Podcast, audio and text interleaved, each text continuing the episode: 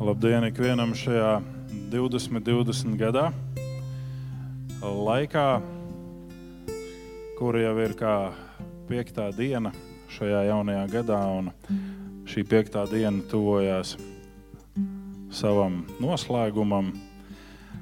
Bet lai Dieva žēlastība, gudrība, spēks, miers, prieks ir ar katru no jums šajā gadā.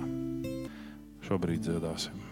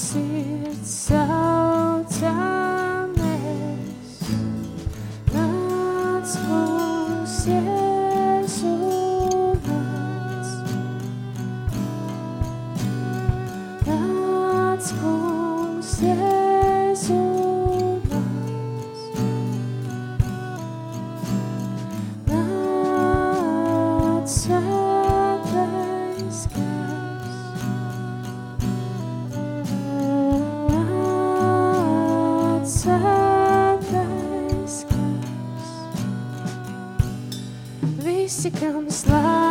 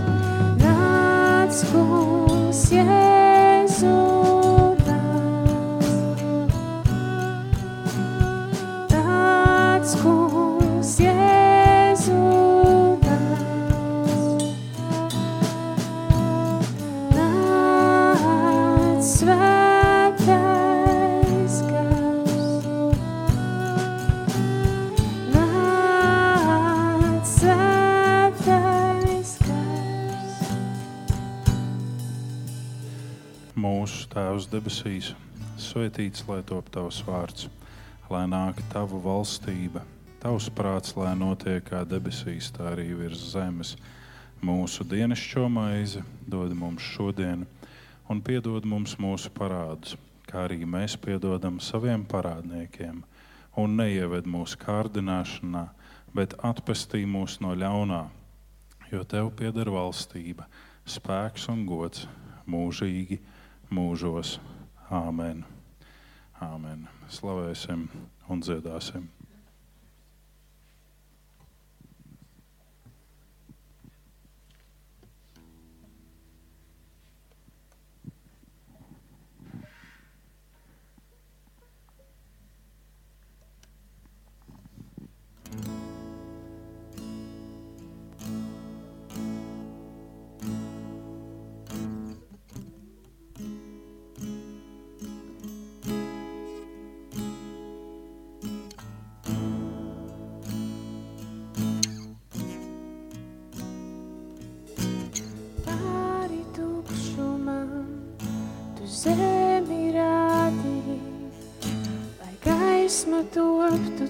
Teici, un tā dzīma pāri tumšai pasaulē.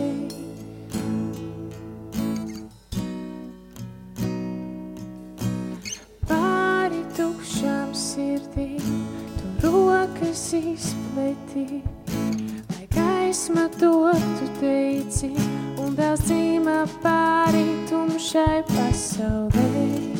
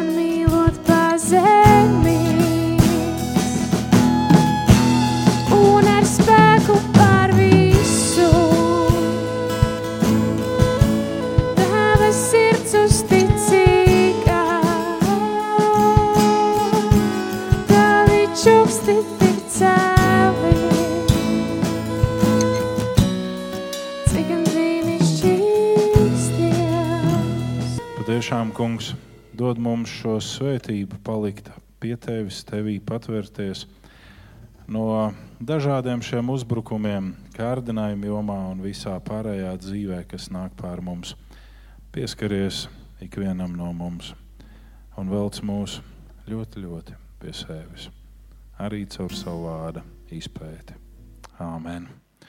Āmen. Sēdieties, lūdzu. Šodien mēs runāsim par kādu epizodi jaunajā derībā un atšķirīgās baznīcās. Nē, nu, dažādās baznīcās ir atšķirīgs nosaukums. Un dažādās ticīgo kopās arī šo pašu epizodi sauc atšķirīgi. Bet šodien runāsim par kalnu svētībām. Un ne par kalnu sprediķi, kā ierasts.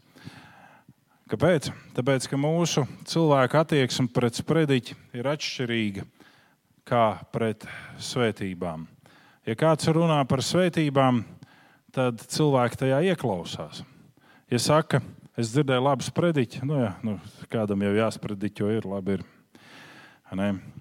Bet eh, šeit, epizodē, kur mēs lasīsim, ir runāts par laimības, jeb laimes formulu un norādi uz to, kā cilvēkam būt laimīgam. Tāpēc arī šodien runāsim par šīm svētībām. Un lasījums ir no Mateja evaņģēlīja 5. nodaļas, no 1 līdz 12 pantam. Mateja evaņģēlijas 5. nodaļa, 1 līdz 12. Piecelsimies. Redzēdams ļaužu pūli, Jēzus uzkāpa kalnā, apsēdās, un viņa mācekļi sapulcējās ap viņu, un viņš sāka tos mācīt. Sacīdams, laimīgi garā nabagi, jo viņiem pieder debesu valstība, laimīgi apbēdinātie, jo viņus mierinās, laimīgi lēnprātīgie, jo viņi mantos zemi, laimīgi izsalkušie un izslāpušie pēc taisnības, jo Dievs viņiem pa pilnam to dos, laimīgi žēlsirdīgie, jo Dievs būs viņu, viņiem žēlsirdīgs, laimīgi sirds šķīstie, jo viņi Dievu redzēs, laimīgi miera nesēji, jo viņi tiks saukti par Dieva bērniem, laimīgi taisnības dēļ vajātie, jo viņiem pieder debesu valstība, Laimīgi jūs esat, ja jūs manis dēļ lamā un vajā un runā visu ļaunu par jums. Priecājieties un gavilējiet. Jūsu alga ir liela debesīs. Tāpat tie vajāja arī praviešus, kas bija pirms jums. Āmen. Sēdieties. Pirmais, ko mēs redzam šajā laimīgo sarakstā, ir mērķa auditorija. Ir mērķa auditorija, kurai mēs eh, gribēdam, nevaram paskriet garām. Mēs varam tikai nojaust, ka tur bez šiem dažiem desmitiem mācekļu ir vēl pūlis ar cilvēkiem. Bet ne visi dzird šo, un ne visi saprot. Jo vēlākās līdzības, kas seko krietni vēlāk, ir teikts tikai tiem, kas pie ticības nāk. Šis ir kaut kas, ko Jēzus sniedz mācekļiem un mācekļi ļaudīm kā garīgo barību. Kā bauslības skaidrojumu, kā debesu valstības, uzvedības un attiecību kodeksu. Tā ir kā mācības stunda pa pakāpītēm. Mēs ļoti bieži esam redzējuši bildes, kur Jēzus sēž uz nokalnītes, un tur pa pulciņiem sēž cilvēki. Nevienā no šīm bildēm mēs nevaram saskaitīt 12,000 cilvēku. Vai ne? Tur ir daži desmiti. Pēc aplēsēm, ja bija tikai 5000 vīru un savāca ar netiešo norādes metodi, savāca 12 grozus no atlikušajām druskām, kas bija pēduši, tad tiek lēsts, ka tur bija 12,000 cilvēku. 5000 vīri, plus sievas, plus bērni 12. Lai Jēzus bez papildu ierīcēm lai kāds viņš būtu orators, uzrunātu 12,000 cilvēku, plus vēl mācekļus, kādu pulciņu. Tur var būt visakustiskākā kalna nogāze. Bet šeit ir skaidri pateikts. Pie Jēzus sapulcējās daudz ļaužu, tur bija zīmes un brīnumi, notika daudz kas, bet Jēzus mācīja mācekļus. Un mācekļi visticamāk sniedza šo garīgo barību tālāk. Tādēļ mēs nezinām, vai tur bija 12, 70 vai 120 mācekļi, jo dažādās vietās parādās dažāds skaits. Visspēcīgākais ir Jēzus debesīs uzņemšanas brīdī. Pēc apakstuļa Pāvila referējuma tur ir 500 mācekļu un pietuvināto personu bet šie cilvēki, kas dzirdēja Jēzus tiešo runu, bija ne vairāk kā tūkstotis. Mērķa auditorija ir mācekļi. Tie, kas ir šīs dievu valstības nesēji sabiedrībā. Cilvēks, kurš šajā brīdī ir atnācis pie Jēzus kā pie brīnumdara un grib saņemt Jēzus dziedinamošo spēku vai Jēzus augšām celšanās spēku vai vēl kaut ko Viņam ir tikai viens. Man vajag to, ko es lūdzu, jeb to, ko es vēlos. Man nevajag visu šo garo sarakstu. Šī nav vienīgā epizode par kalnu svētībām, tur vēl turpinājums ir. Un, ja mēs lēnām izsekojam cauri, tad tā nav runa uz visiem, bet tā ir runa uz tiem, kas jau seko. Un tiešo runu var nodot tālāk. Jēzus nesaka visiem 12,000, jūs esat pasaules gaišums. Jēzus nesaka visiem šiem 12,000, jūs esat zemes sāls. Viņš to saka sev pietuvinātajiem, jo tiem ir šī būtiskā mācības stunda. Mēs ejam tālāk. Laimīgi, jeb svētīti. Ja? Tā tur ir rakstīts. Oriģināls un jebkurš tulkojums, izņemot latviešu iepriekšējo tulkojumu, runā par svētīgi.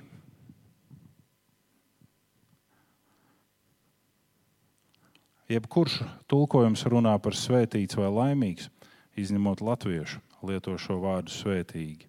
Un tā ir ārkārtīgi milzīga atšķirība. Ja mēs skatāmies lingvistiski, svētīgi runā par marginālu stāvokli, ko cilvēki sasniedz, esot pēc izskata ar viduslaiku balganām sejām un klejojot apkārt diezgan nepieskaitām un dīvainā balss tembrā runājot ar visiem, veicot kaut kādas roku kustības, ko neviens īsti nesaprot, bet viņi ir svētīgi. Un tad, kad mēs runājam par šo senvārdu svētīgi, kas ir ienācis nepareizi latviešu valodā, mēs nesaprotam, par ko ir runa. Tieši to pašu mēs sastopam mūsu Tēvs debesīs lūgšanā izteiksme atpestī mūs no ļauna. Kas tas ir ļauna? Kas tas ir? Tur ir lietots vārds ponēros, kas ir ļaunā izteik, ietekmes, kundzības, jeb pakļaušanās. Tā tad no ļaunā, ar šo uzsvaru ļaunā Un, ja jūs lasat 12. gada tulkojumu Bībeli, tur ir no ļaunā, bet pirms tam visu laiku ir no kaut kāda nezināma stāvokļa, no ļauna. Kas ir ļauna? Krievu valodā tiek lietots no izbafnes atlukavova, no ļaunā. Atpestī mūs no šī viltnieka, no šī blēža, no šī ļaunā, no konkrētas personas nevis no kaut kā abstrakta. Laimīgi vai svētīti runa ir par to, ko cilvēks saņem savas darbības, izvēles vai ticības pamatā. Cilvēks izvēlās ticību dievam, un šis teksts māca, ka viņš vai viņa ir laimīgi, jeb svētīti. Kāds viņus par to ir svētījis? Nevis tāpēc, ka viņi ir ieticējuši, par ko šodien pirms dievkalpojuma bija diskusija. Jo man saka, kas tas ir ieticēt? Var taču ticēt, noticēt, uzticēt, aizticēt. Kas ir ieticēt? Tas ir tas brīdis, kad es nevis vienkārši ticu, bet es ieticu Dievam kā tēvam. Nevis vienkārši ticu, ka ir kaut kāds augstāks spēks, kurš visu vada un valda, bet es ieticu viņam, kurš mira pie krusta, un viņam, kurš augšām cēlās. Mēs varam arī nelietot šo vārdu ieticējuši. Bet praktiski nav cilvēku šajā pasaulē, kas neticētu kaut kam. Ne? Jūs teiksiet, ateisti. Ateisti tic tam, ka nav dieva. Viņi tic tam, viņi ir pārliecināti par to, ka dieva nav. Un tad, kad vecais ateists mira, viņš teica, ja dieva nav, paldies dievam. Ja dievs ir, nedod dievs. Viņi tic tam, viņi ir pārliecināti par kaut ko. Un, ja mēs skatāmies uz teistiem, deistiem, agnostiķiem un visiem pārējiem, viņi kaut kam tic. Bet vai tā ticība ir tam, kam mēs esam ieticējuši, ar visu savu būtību? Nevis tikai ar kādām emocijām vai tikai ar kādām jūtām, bet ar visu savu būtību, kam mēs esam ieticējuši. Un mēs sakām, jā, es ticu, ka es biju pazudis, un šobrīd es esmu uz tā ceļa, kurš ved uz glābšanu. Tātad kāds tevi un mani ir par to svētījis. Nevis tāpēc, ka mēs esam ieticējuši, mēs esam svētīgi, bet tāpēc mēs esam svētīti. Tur atšķirās daži burtiņi tikai. Tas izmaina pasīvo, nekā nedarīšanu un vienkārši būšanu uz aktīvo un darbīgo, būt par pasta staciju, kanālu vai vēstnieku. Ja tu esi svētīgs, tad tu vienkārši esi svētīgs. Tu esi svētīgs. Tevi kāds ir nosaucis par svētīgu, un tu esi svētīgs.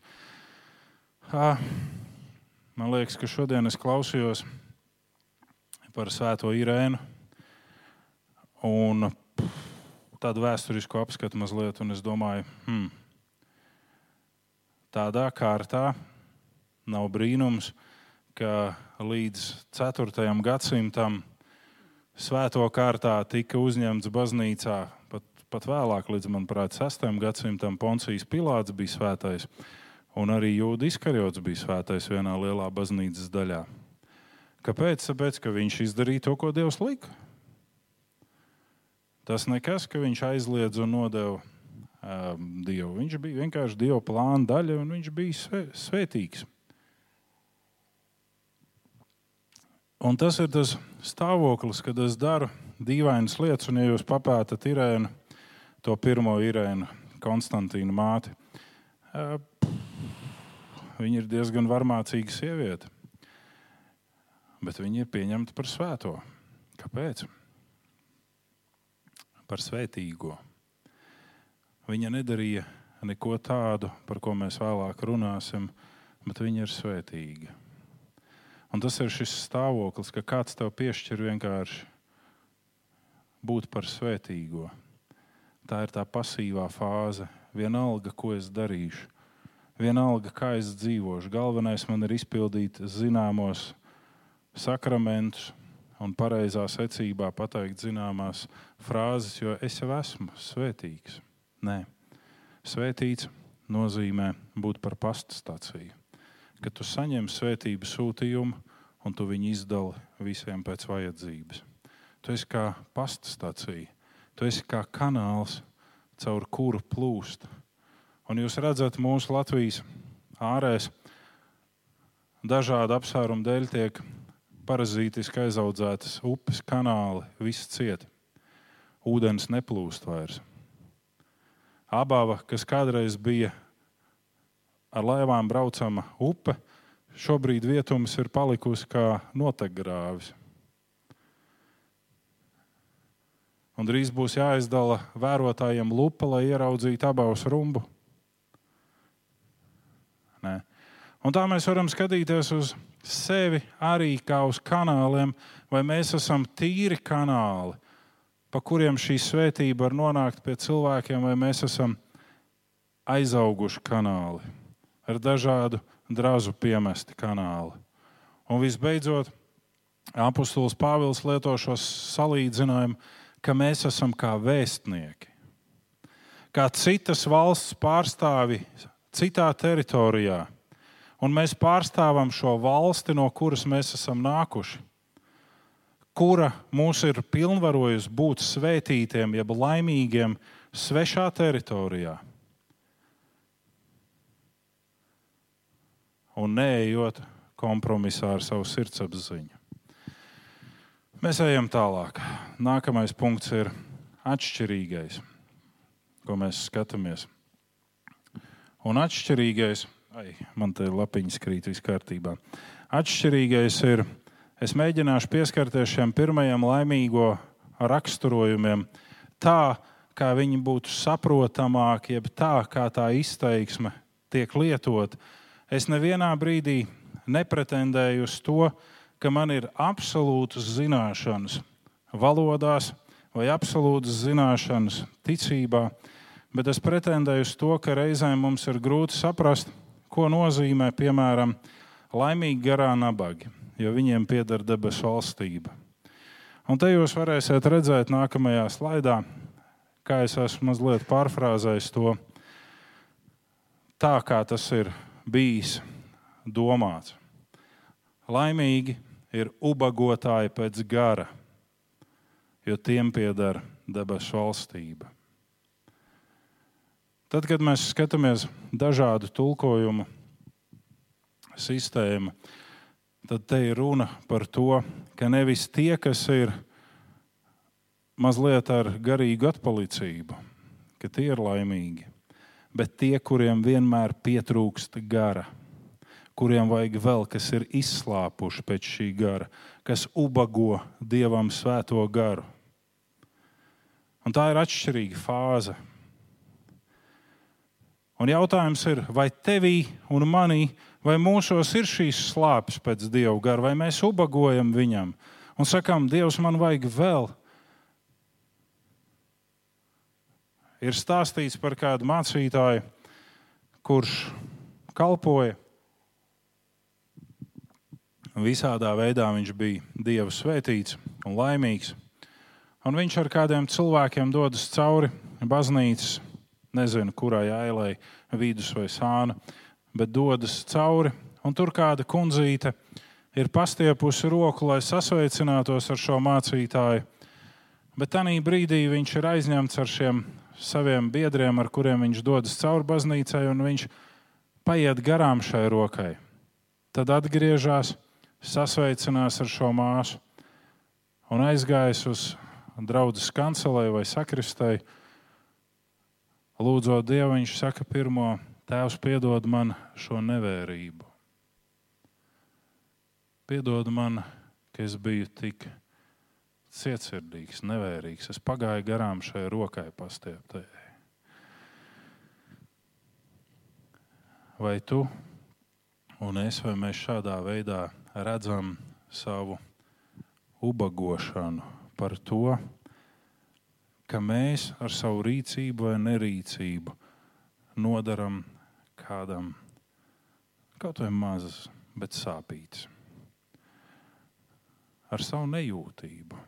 Šodien ir viena milzīga problēma, un tā ir cilvēcības trūkums.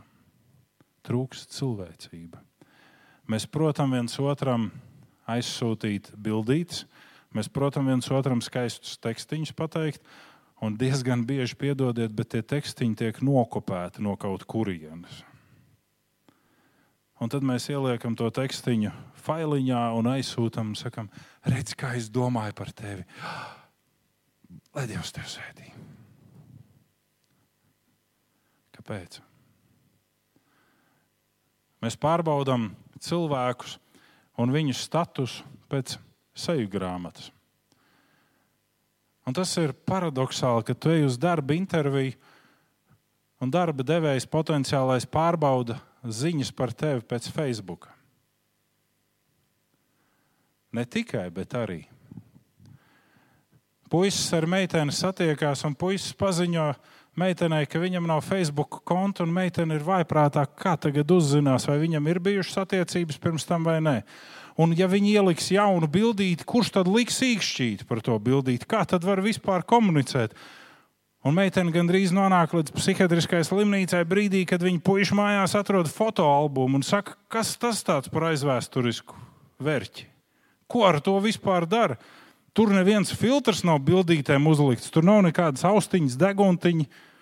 Kas tas ir? Mēs dzīvojam tādā ļoti interesantā laikā, ka mēs spriežam par to, vai kāds ir ielicis īkšķīti manai bildei vai nē. Es saprotu, ka ne visi, un es saprotu, ka starp mums ir cilvēki, kas ir deklarējuši, ka viņiem nekad mūžā nebūs internets, lai Dievs viņus svētī.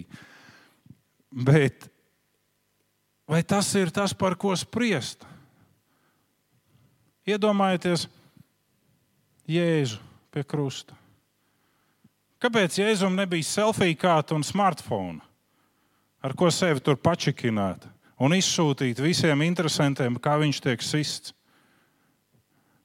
Kā viņš cieš pie krusta? Kāpēc krusta bildēm nebija laiku un nebija krustā izšānas konts Facebook? Tāpēc, ka tas ir sekli. Mēs dzīvojam laikā, kurā zūd cilvēcība.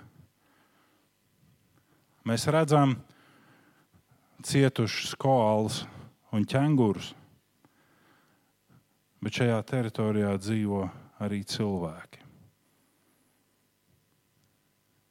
Ne tikai ķēnguri, koāls un sliekas. Es domāju par Austrāliju. Amazonas mūža mežos vietējais mērs bija paziņojis, ka nav jādzēš. Labāk šos mūža mežus pārvērst par pļavām, lai varētu gaļas lopus audzēt visai pasaulē, jo gaļas pietrūkst. Cilvēki patērē pārāk daudz gaļas. Aizvadītajās dienās es vēroju kādu satraucošu video sižetu par Černobiļas atomelektrostacijas likvidācijas transportu. ir trīs kapsētas izvietotas. Viena kapsēta, kurā nav pazemes ūdeņu, gruntsūdeņu, kur šī radioaktīvā tehnika, kas piedalījās glābšanas darbos, ir norakta zemē. Izpostīta, samīcīta un norakta. Otra kapsēta ir, kur ir mazāk radioaktīva tehnika, bet tāpat radioaktīva, kas ir virs zemes, ko nevarēja norakt.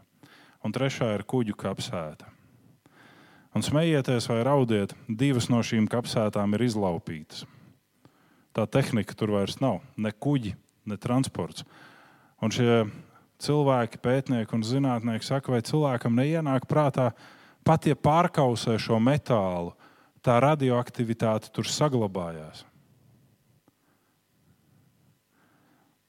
Un mēs esam nonākuši pie tā smagā laika, par ko Jēzus saka Lūkas evanģēlijā 18. nodaļā, ka ļaunums iet vairumā un mīlestība izdziest daudzos. Un ir tikai viena interese, kā es varu parūpēties par sevi kā es varu vairāk dabūt sev. Bet Jēzus saka, laimīgs tu esi, ja tu ubago pēc gara. Un tālāk viņš saka, laimīgs tu esi, ja tu sēro, tu tiks mierināts.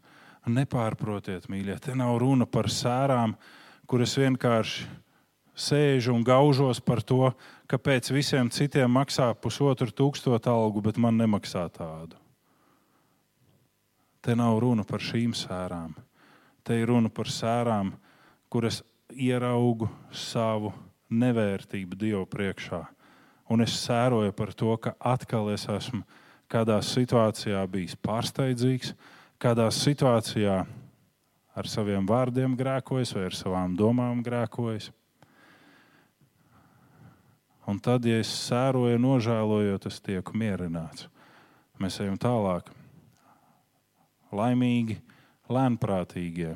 Nevis tie, kuriem ir bremzēta domāšana, bet tie, kas ir trausli. Šeit ir runa par trauslumu, par garīgo trauslumu. Tie iemantos zemi, reģionu vai vietu. Tāds varētu būt šis zemes skaidrojums, ka nav runa par to, ka tev atnesīs maisiņā zemi un par tavu lēnprātību tu saņemsi zemi. Bet ir runa par to, ka tu iemantos konkrētu reģionu, vietu. Un šeit mēs varam sākt spēkoties par to, vai tas ir runāts par šo zemi, vai tas ir runāts par turieni. Bet atbilde ir par abām vietām. Jo šeit mēs esam katrs ceļā uz apsolīto zemi, un mūsu lielā apsolītā zeme ir tur.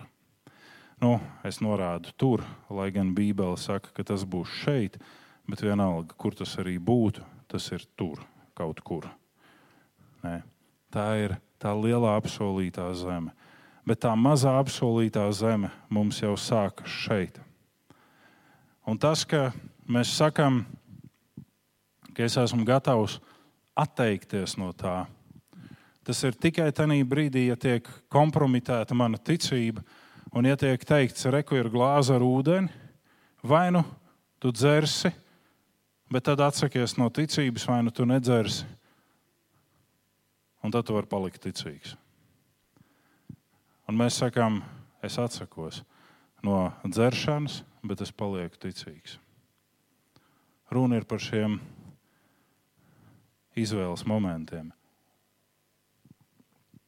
Ka es neturu šo mazo apsolīto zemi, lai kas tas arī būtu, tik dārgu un vērtu, kā apustulis Pāvils saka, lai nepabeigtu to, ko Dievs ir man uzticējis. Mēs ejam soli tālāk. Taisnības augstošie, tie, kas augst pēc taisnības bet alkt pēc taisnības nozīmē arī darboties taisnības labā.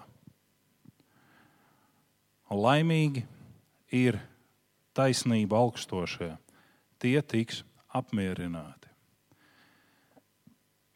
tu saki, es nevaru savā darba vidē pateikt tādas lietas, ko priekšniecība dara nepareizi, kur viņi rīkojās negodīgi.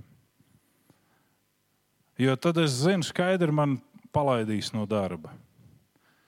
Ir bijušas situācijas manā dzīvē, kurā es esmu nostājies par šo aizstāvību tiem, kas ir man padoti. Un uh, lielākajā vairumā gadījumu tas ir bijis mans atvadu sveiciens darba vietai. Jo nevienam nepatīk, ja viņam runā pretīm un saka, tu rīkojies nepareizi, netaisni. Tu rīkojies domājot tikai par sevi. Bet kā es varu šajā situācijā palikt tā, ka vilks ir paēdis un kaza dzīve? Un nedomājiet, ka vilks ir vegetārietis. Nē. Tad tu vienkārši paļaujies uz Dievu. Ja ir jāsaka, tad arī saki. Un, ja tev ir jāiet prom no šīs darba vietas, tad tu arī aizies. Bet tev ir jānes sevī šī ticība par šo taisnības aspektu, ka tu nedrīkst rīkoties netaisni, un caur tevi nedrīkst rīkoties netaisni. Pirms tam ir daudz jālūdz. Jā, ir jāubago pēc gara. Nē. Vai tu augsti taisnību valstiskā līmenī? Jā, bet tā pat laikā mēs sakām, ko tad es, es jau tāds, nu, es jau neko nevaru. Tas ir muļķības. Vērojot jūsu rindas, es varu teikt, lielākais vairums no jums prot rakstīt. Jums nav jāraksta sūdzības, bet jums ir jāraksta tāpat kā man, man ieteikumi, mani vērojumi. Prezidenta kancelē ir atvērta, viņi pieņem vēstules, un tiesības sargs arī pieņem vēstules. Biežāk mēs rakstām par sūdzībām, tur kāds tur dara sliktas lietas bet rakstam par tiem ieteikumiem, kas ir pamatot ieteikumi, kurus mēs redzam kā negatīvus, negāciju nesošus visai tautai. Vai mēs augstam taisnību, ja mēs augstam taisnību tikai tad, kad mēs sēžam pie mūsu mazā viesību galda, un tad mēs esam gatavi, nu tā, ja vajadzētu iet arī karot, tikai nerādiet man plinti, man bail pašam no tās. Nē. Vai tu augsti taisnību? Un Dieva vārds saka, ja tu augsti, tad tu tiks apmierināts. Vēsturē, tajā laikā, kad mūsu ticība bija vairāk pamatota uz ticību, nevis uz spriedelēšanu. Bija brīži, kad baznīca rakstīja Guntim Ulmanim, prezidentam, vēstuli, vāca parakstus, daudz ko darīja, lūdza Dievu, un bija lietas, kas tika mainītas valstī. Piemērs - nāves sodi tika atcelti un nomainīti pret mūža ieslodzījumu. Mēs sakām, nē, bet labāk, labāk tur visus pie sienas un pah, pah, pah, pah, pah. Vai tad? To saka cilvēks, kurā dominē cilvēcība. Vienalga, vai tas ir ebrejs, vai tas ir krievs, vai tas ir latvietis, vai tas ir jebkurš cits tautietis. Tā ir dieva radīta dzīva, dvēsele, kurai ir savas izvēles iespējas. Žēlsirdīgie laimīgi žēlsirdīgie, tie, kas praktizē žēlsirdību, tie tiks apžēloti nekā savādāk. Laimīgi sirds šķīstie, tie skatīs Dievu. Laimīgi mierneši, tie tiks pie Dieva bērnu statusa, tie būs Dieva bērnu status mantinieki. Un šie ir tie jautājumi, kurus mēs uzdodam, vai es nesu mieru, vai es savā būtībā cīnos par sirds šķīstību. Ļoti bieži mēs esam gatavi cīnīties par kaimiņu sirds šķīstību. Es nokristījos, un pieņēma bībelīgo pagremdi. Tā mijā starp 12 un 13. Vai jūs zinat, kas ir mani drūmākie murgi pēc tam? Tas, ka es redzēju, kā tie cilvēki, kas ir ap mani, dara grēku, bet man saka, tu taču esi tagad kristīts, tu tā rīkoties nedrīksti. Tu taču tici Dievam, tu tici. Vai tad? Kas ir tas, ko jūs darat? Protams, ka man tajā brīdī nebija spēka to pateikt. Un tad tas sanāca tādā pusauģa sprādzienā. Bet ir jautājums. Tev to drīkst, un man nē? Kaut kā dīvaini. Kāpēc slēpties aiz to, ka tagad es esmu kristīts un man ir jābūt labākam kā tev? Tu arī esi kristīts. Daudz senāk kā es. Bet te ir runa par to, ka mēs katrs cīnāmies par savu sirds šķīstību. Jo laimīgi ir sirds šķīstie. Un laimīgi ir žēlsirdīgie. Un atcerēsimies vienu nopietnu faktu. Mēs nekad nebūsim vispirms sirdsšķīsti un pēc tam žēlsirdīgi. Mēs vispirms būsim žēlsirdīgi, un tikai tad mēs varam būt sirdsšķīsti. Jo, ja būs otrādi, tad mēs iekritīsim paštaisnībā un teiksim visiem, vēro mani, skaties, kā es daru, nedari tā, kā tu dari, dari tā, kā es. Nē, vispirms mēs praktizēsim žēlsirdību, un tad mums nāks arī sirdsšķīstība, un nebūs šī pašpaukstināšanās. Videi, kurā Jēzus šo saka, nav pieņemami un adekvāti, jo tas neietilp šīs vidas rāmī. Tas neatbilst etiķetei un nav īstajās klišejas cienīgs. Bet kā tad ir šodien? Vai ne tieši tāpat? Pēc likuma drīkstēja vienas izsistas acis vietā ņemt kompensāciju par vienu izsistu aci bet negribējās. Gribējās krietni vairāk. Šodien mēs piedzīvojam tieši to pašu - atriebība, ļaunprātība, nenovīdība un tā tālāk. Mēs kādreiz mēģinājām apkarot labklājības un veselības mācību, bet labklājībai un veselībai jau nav problēma. Problēma ir pārticībai un absolūtai veselībai, jeb pilnīgai. Veselība ietver arī pareizu uzturu, lai kā mēs gribētu to apstrīdēt un pievilkt visādus attaisnojumus, bet tad mums ir jāpieņem visi citi attaisnojumi arī pret svētajiem rakstiem. Pret tām raksturvietām, kas mums ir tabū jautājums. Līdz ar to sanāk, ka paši mēs ar savu dīvaino attieksmi dekonstruējam Bībeli un tad kliedzam, kad citi to dara. Atgriezīsimies pie tā, lai būtu svētīti un būsim laimīgi. Un visbeidzot, būt vai nebūt. Tas ir tas slavenais Šekspīra teiciens. Domāju, ka man nav jāatkārto jums, kā gāja tam igauņu aktierim, kurš gribēja spēlēt šo Šekspīra lugu. Pēc dievkalpojuma varat pajautāt man privāti. Bet būt vai nebūt? nemeklē domstarpības, bet izvairies no neauglīgiem strīdiem. Jēzus saka, tu tiksi vajāts. Tu tiksi apspiests. Izvairies no ļaunprātībām, izvairies no dažādām nodevībām, kas patērē spēku, iztukšo prātu un nenes svētību. Nē, esi vajātājs un nekad nepieļauj sev to, ka tu būtu gatavs uzskatu dēļ plosīt kādu personu, par kuru arī Kristus ir miris. Tad, kad Dievs tevi ieceļ saulītē, tad atceries tos, kas bija lejā, ēnas ielā, un kalpo tiem par svētību.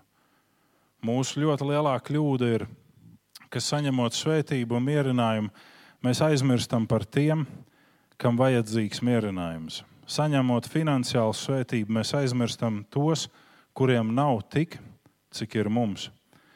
Bet tad, kad mēs esam tie, kas esam vajāti taisnības dēļ, tad, kad mēs tiekam apmeloti un tuvināti iznīcībai, tad pacelsim savus gurdanās rokas un nespēcīgos ceļus stiprināsim. Tad gavilēsim un dejosim, jo mūsu alga ir liela, un tas ir atalgojums, ir pasargāts vietā, kur kodas, rūsa un zagļi tam nepiekļūst. Un, ja kādam no jums ir pretenzijas, ka es teicu, dejosim, tad lasiet Lūkas evanģēlīju. Tur tieši kalnu svētībās ir teikts, kad jūs vajā taisnības dēļ dejojiet. Mēs mēdzam kurnēt par to, ka tiek runāts par debesīm kā par kaut ko jauku un skaistu, bet gribās jau arī šeit to skaisto. Protams, un ne tikai gribās, bet piederās un varbūt pat pienākās. Taču tad, kad mēs to visu svētīgo saņemam šeit, mēs pieķeramies tam tik ļoti, ka tas kļūst mums par lāstu, elku un postu.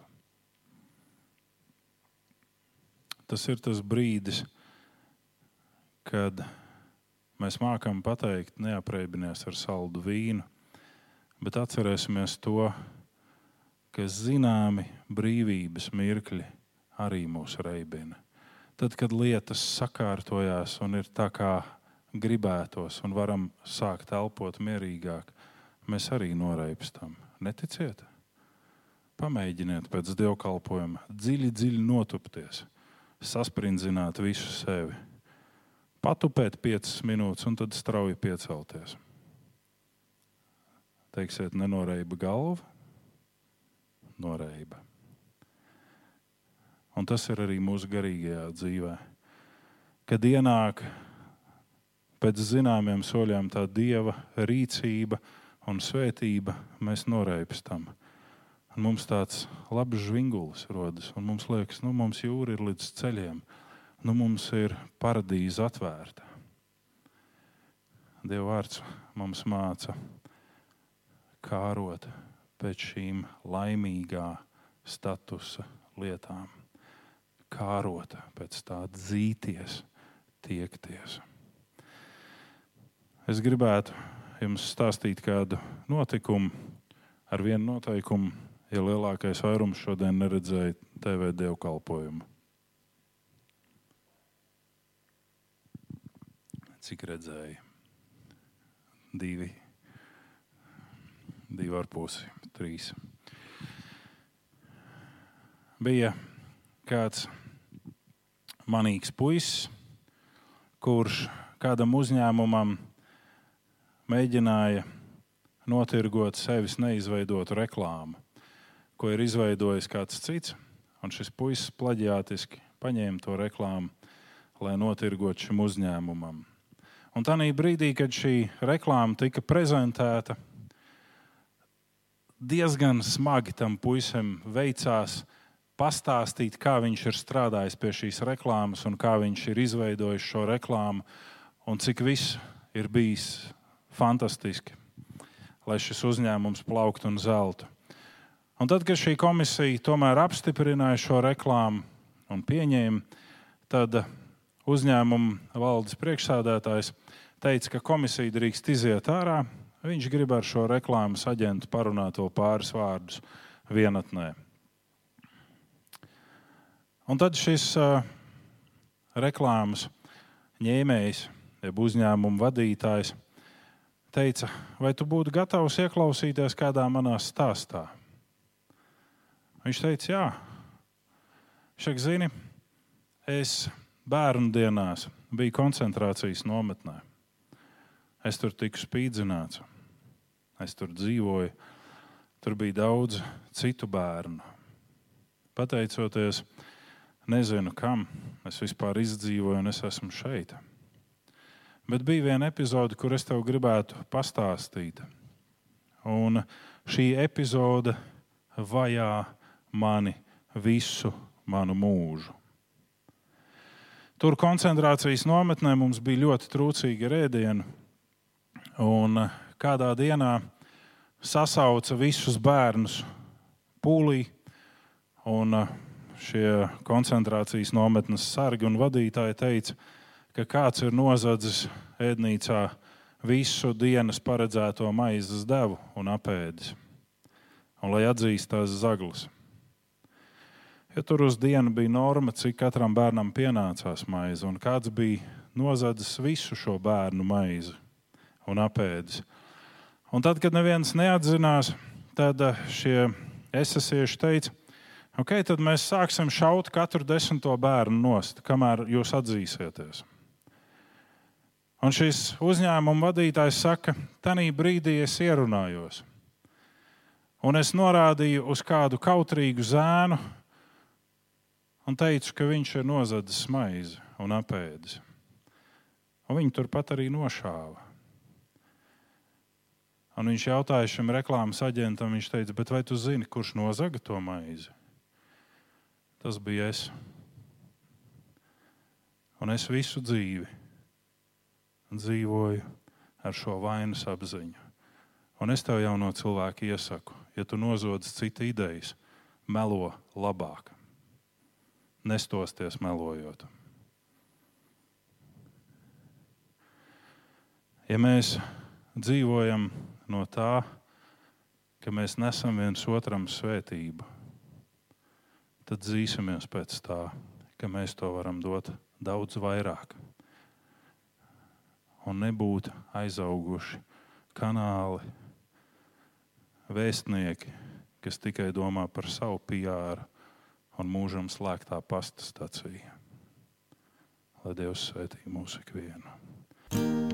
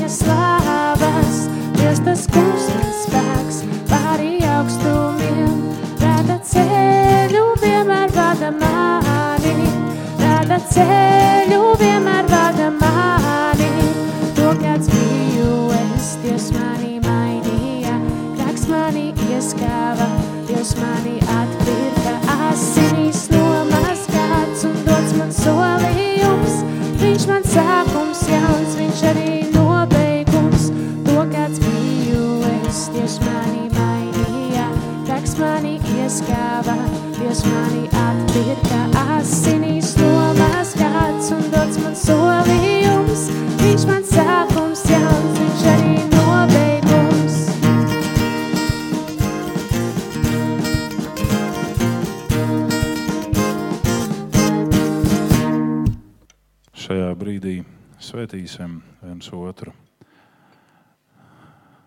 Tas kungs, lai tevi svētī un lai tevi pasargā. Tas kungs, lai apgaismo savu vaigu pār tevi un ir tev žēlīgs. Tas kungs, lai uzlūko tevi ar lapatiku un lai dod tev savu mieru. Āmen!